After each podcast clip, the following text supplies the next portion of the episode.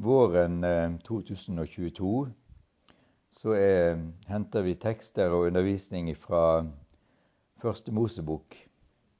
På den første samlingen vi hadde i januar, så var temaet hentet fra skapelsesberetningene i Første Mosebok kapittel 1 og 2.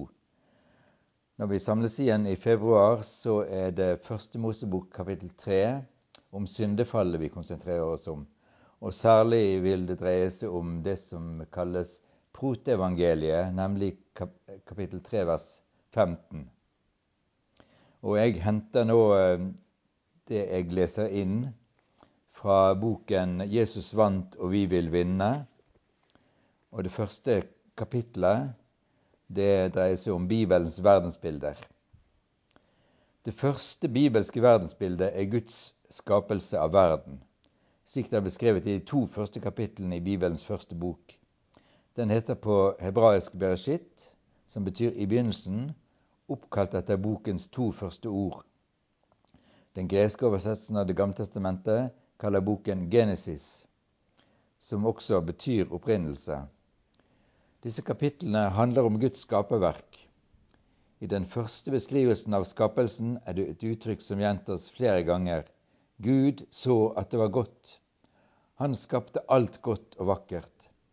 Alt var perfekt og ordnet, og derfor kalles det kosmos. Endelig kommer skapelsen av mennesket, på hebraisk Adam. Da sa Gud, la oss skape mennesker i vårt bilde, så de ligner oss. Gud sier at han vil gi mennesket forvalteroppdraget over jorden. Gud skapte mennesket i sitt bilde. I Guds bilde skapte han det. Som mann og kvinne skapte han dem.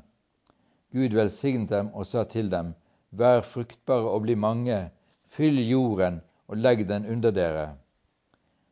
Beskrivelsen av skapelsen avsluttes med ordene Gud så på alt det han hadde gjort, og se, det var svært godt. Den første skapelsesberetningen er lineær og progressiv, med, skapel, med høydepunkt i skapelsen av mennesket den andre beskrivelsen av skapelsen setter mennesket i sentrum i hagen i Eden, som beskrives som et paradis.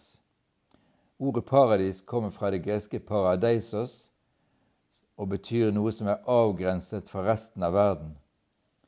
Mennesket Adam er i direkte kontakt med Gud og får et stort kulturoppdrag. Men én ting mangler for mannen, og det er en kvinne. Hun skal være mor for de kommende generasjoner og får derfor navnet Eva på hebraisk rava, liv, av ordet for å leve, raja. Adam jubler over kvinnen Gud har gitt ham. Hun er lik ham og samtidig forskjellig fra ham, og de er skapt til å være ett. Sammen skal de få barn, og etter hvert skal jorden fylles med en stor familie som både er velsignet og som skal velsigne hele jorden. Guds vilje er at hele jorden skal fylles av paradisiske tilstander, slik det uttrykkes i serafenes lovsang og i en salme. Hele jorden er full av Hans herlighet. Salme 72, vers 19. I det første bibelske verdensbildet er alt godt paradisisk. Der er det overflod av alt godt, et godt liv, perfekte relasjoner, det er ingen ondskap og synd, ingen sykdom og død, ingen frykt og bekymring. Fremfor alt er det liv i fullkommen harmoni med Guds vilje, og derfor også under Guds beskyttelse. Her er ingen djevel og ingenting ondt. Her er ingen forførelse eller forfølgelse. Det var slik Gud ville det skulle være. Det er dette alle mennesker lengter etter. Det andre bibelske verdensbildet er annerledes. Det beskriver syndefallet og dets konsekvenser. Relasjonen til Gud og medmennesket blir forstyrret. Til og med i skaperverket lider under syndefallet. Men vi kjenner oss også, mens vi kjenner oss igjen i lengselen etter det første, kjenner vi igjen realismen i det andre. I denne spenningen kommer vi til å leve helt til Gud, Gud skaper en ny himmel og en ny jord, slik det ble beskrevet i Bibelens siste bok, åpenbaringsboken. Slik blir hele vår virkelighet rammet inn og forklart. Forførelse og forfølgelse. Det er viktig at vi forstår begge disse virkelighetsbildene og ikke minst spenningen mellom dem. Faktum er at resten av Bibelen er fortellingen om dette. Gud er fortsatt den gode og velsignende Gud fra skapelsen, men noe har forstyrret hans gode plan. Dette noe er forårsaket av en personlig opprørsk fallen engel, som første gang vi møter ham, blir kalt slangen. Etter opprøret mot Gud, som er fortalt i Jesaja-boken kapittel 14, i bildet av Babelkongen, setter den falne engelen, som blir kalt med det hebraiske navnet Satan, som betyr motstander og anklager, og det greske diabolos, djevelen, inn sitt støt mot menneskene. Det første angrepet er forførelse, fordi det i denne fasen er det mest effektive, men kanskje også fordi forførelse rett og slett er opprør mot Gud, og det var slik det begynte med Satan selv. Den andre hovedformen for angrep er forfølgelse. Den vil i hovedsak skje der mennesket ikke vil la seg forføre, men holder fast ved sannheten i Guds ord koste hva det koste vil. Jesus sier at tyven kommer bare for å stjele, drepe og ødelegge. Johannes 10,10. 10. Disse to ordene, forførelse og forfølgelse, kommer vi til å ta, nevne flere ganger i boken. Bakgrunnen for denne boken, 'Jesus vant og vi vil vinne', at jeg har måttet stille meg selv disse spørsmålene mange ganger. Hvorfor så mye forfølgelse? Og hvorfor så mye forførelse. Jesus lærte sine disipler å be 'Frels oss fra det onde'. Den greske teksten kan like gjerne oversettes med 'den onde'. Han lærte ikke disiplene å be om at de skulle unnslippe alt vondt, all smerte og alt annet lignende, men han lærte dem om å be om å bli vernet mot det kvalifisert onde, som er djevelens strategi for å fjerne mennesket fra Gud synd, forførelse og frafall. Kvinnens ett. I dommen over slangen etter at han har forført Eva og Adam, sier Gud, jeg vil sette fiendskap mellom deg og kvinnen, mellom din ett og hennes ett. Han skal ramme ditt hode, men du skal ramme hans hæl. Det hebraiske ordet ho, som brukes som ætten, betyr han det er personlig pronomen hankjønn. Den greske oversettelsen av greske oversettelsen Septuaginta bruker også det personlige pronomenet for hankjønn begge steder, i nominativ av tos, i genitiv av tu. Jødiske lærde har grunnet mye på dette ordet. Noen oversettelser foretrekker pronomenet 'den' om kvinnens ett, fordi en tenker at det dreier seg om en kollektiv ett som både skal rammes i hælen, men også knuse slangens hode. Så hva er riktig, han eller den? Kan det være både han og den? Vanligvis følger jødiske genealogier menn, der slektene etter Abraham, Isak, Jakob, Juda osv. Slik er det i Matteusevangeliet, forfattet av jøden Matteus. Fra Abraham til David er det nevnt 14 menn i slektlisten, og kun én kvinne, Ruth.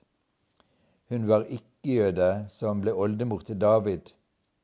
Fra David er det igjen 14 slektsledd fram til bortføringen til Babylon, og ingen kvinne er nevnt uten Urias kone Batseba. Fra bortføringen til Babylon og fram til Jesus er det også 14 slektsledd, og bare én kvinne er nevnt, Maria, Jesu mor. I Lukasevangeliet, som er skrevet av en ikke-jøde og er mer universelt enn Matteusevangeliet, som ble skrevet til Jesus-troende med jødisk bakgrunn, går etterlistene den andre veien.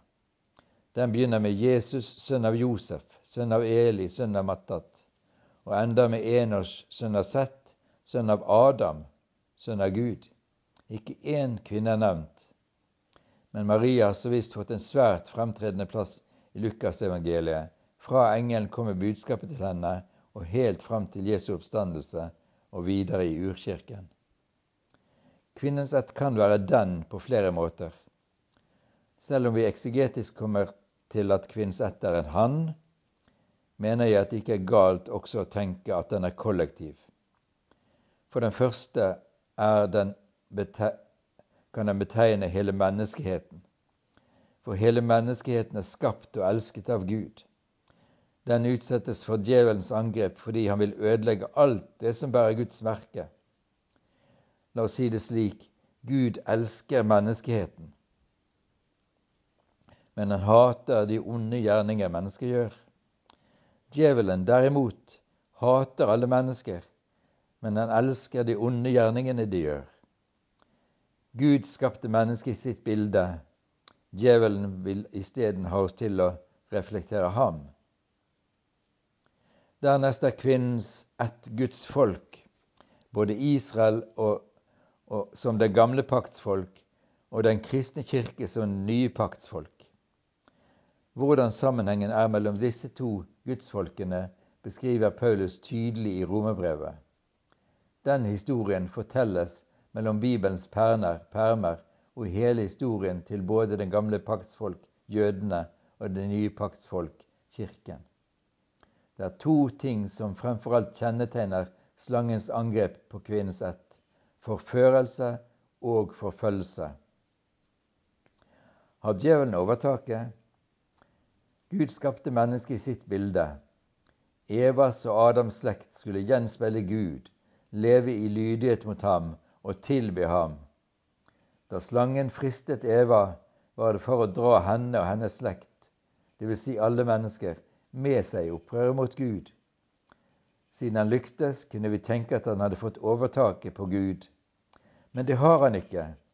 Bibelen forteller for det første at hans opprør mot Gud gjorde at Gud kastet ham ut av himmelen. Gud viste dermed at det er han som er herre, og ikke djevelen. På samme måte var det da djevelen dro Adam og Eva med seg, og denne slekten med seg i opprøret. Gud felte en dom over djevelen. Djevelen kan aldri få overtaket over Gud. Så når Gud i 1. Mosebok 3,15 uttaler et domsord over slangen, og et frelsesord for Evas slekt, betyr det at Gud har makt og rett til å dømme, dømme djevelen og frelse menneskeheten. Og han gir Evas ett i oppgave å knuse slangens hode.